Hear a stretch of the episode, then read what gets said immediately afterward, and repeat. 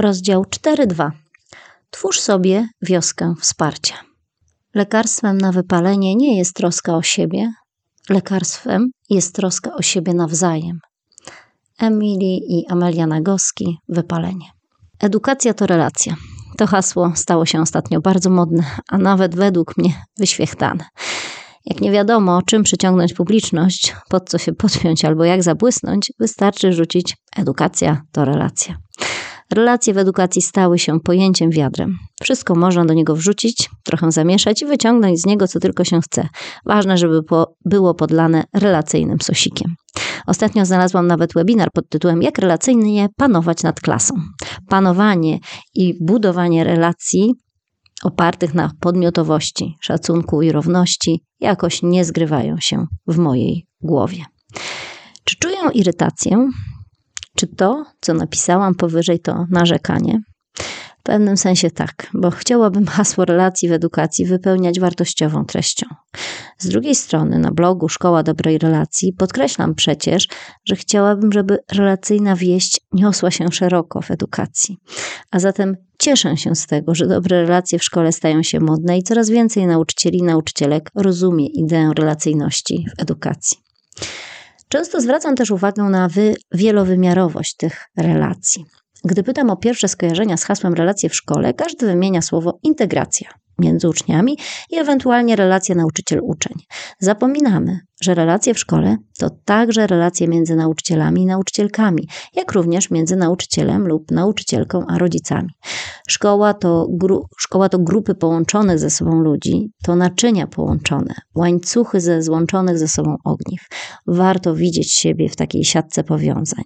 Czy jest to jednak łatwe? Chyba raczej staramy się o tym zapomnieć. Pozornie bezpieczniej się czujemy, gdy sami sobie jesteśmy sterem, żeglarzem i okrętem.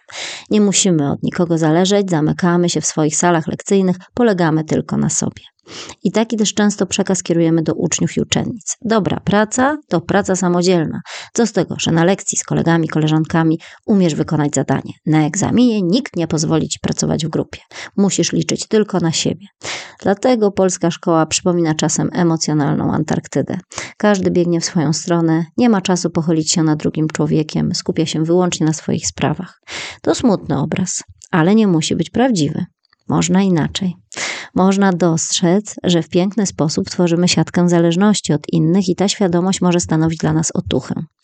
Pamiętacie te czasy, gdy szkoła, jak w Dzieciach z Bullerbin, była drugim domem? Ludzie, którzy przebywali w niej cały dzień, tworzyli prawdziwą wspólnotę. Dorośli czuli się odpowiedzialni, by uczyć, ale też wychowywać uczniów uczennice w pozytywnym sensie, by towarzyszyć młodym ludziom, by być ich ciekawymi. W takiej szkole nikt nie gnał z zajęć na zajęcia z plikiem kserówek pod pachą. Był cały, cały czas e, czas na to, e, żeby się zatrzymać, dostrzec pojedynczego ucznia, pojedynczą uczennicę, pochylić się nad nim, nad nią. W takiej szkole dużo trudniej było pozostać niezauważonym. Ludzie nie przemykali bokami korytarza, tylko byli zauważani ze swoimi problemami i radościami.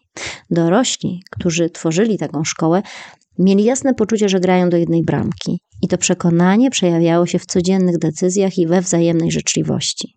Może warto wrócić do takiej wizji. Tyle mówi się o tym, że kooperacja i współpraca to jedna z najważniejszych kompetencji przyszłości, ale nauczycielom i nauczycielkom czasem trudno to przyjąć. Boimy się otwartości, boimy się prosić o pomoc, przyznawać się do niewiedzy. Nie potrafimy też otwarcie mówić o tym, co nas cieszy, co nam się udało, bo boimy się, że to wzbudzi zawiść kolegów i koleżanek. A przecież wyłącznie kooperujące nauczyciele i nauczycielki mogą uczyć swoich podopiecznych kooperacji. Zacząć trzeba od zmian we własnej głowie i całą energię, którą wkładamy w szukanie dowodów na to, że się nie da, by być blisko z innymi, zamienić na energię poszukiwania nowych dróg, bo samotność w szkole to naprawdę ślepa uliczka. Wynika to zresztą z dużo szerszej kwestii. Człowiek jest istotą społeczną. Od najwcześniejszych lat życia zależymy od innych i od ich wsparcia. Kolejne badania z zakresu biologii i neurobiologii pokazują, że wsparcie wynikające z budowania relacji z innymi jest dla nas ludzi kluczowe. Niemowlęta, mimo zaspokojenia potrzeb fizjologicznych, mogą umrzeć z samotności. W dorosłym życiu więzi regulują pracę serca, oddech, modyfikują reakcję układu odpornościowego. Izolacja społeczna zwiększa ryzyko przedwczesnej śmierci o 30%. Mamy też jako ludzie specjalne zdolności synchronizowania swoich mózgów z innymi, naszych reakcji emocjonalnych i mimicznych. Przyjęło się także, że w stresujących sytuacjach zagrożenia możemy reagować walką lub ucieczką, fight or flight, ale badania pokazują też, że mamy drugi rodzaj reagowania opieką i zaprzyjaźnianiem. Tend and befriend. Polega ono na tym, że w obliczu strachu lub wzburzenia szukamy wsparcia i troski innych. Tu przychodzi także na myśl pojęcie tytułowej dla tego rozdziału wioski. Skąd ono się u mnie wzięło? Słowo wioska nawiązuje do spotkań kobiet, jakie odbywały się kiedyś w każdej wsi. Kobiety wspólnie pracowały, rozmawiały, wspierały się i w nieformalnej, przyjaznej atmosferze budowały więzi emocjonalne. Napisałam w dobrych relacjach w szkole. To słowo jest symbolem bezpiecznej, wspierającej wspólnoty, zwłaszcza w kwestii regulacji emocji, żeby się uspokajać, żeby wracać do równowagi psychicznej po trudnych momentach. Potrzebujemy drugiego człowieka. W chaosie własnych myśli możemy czasem zupełnie się zgubić. Brakuje nam klucza do wyjścia z trudnej sytuacji, a wtedy wygadanie się jest szansą na ułożenie sobie w głowie wszystkiego i spojrzenie na problemy z nowej perspektywy.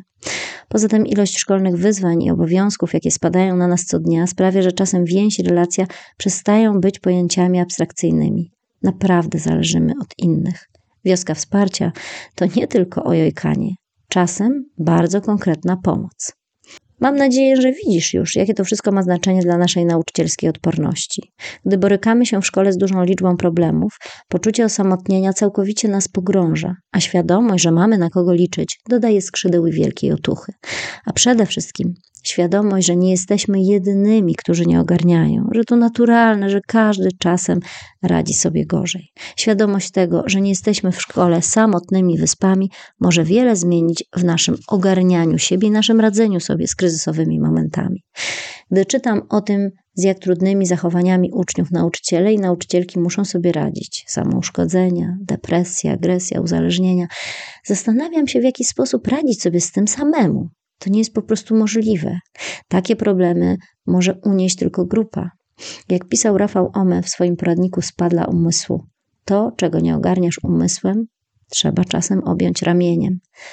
Macie takie ciepłe ramiona wokół siebie?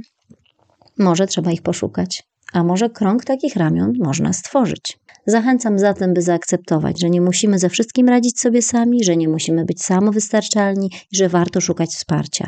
Relacyjny nauczyciel radzi sobie z kryzysami relacyjnie.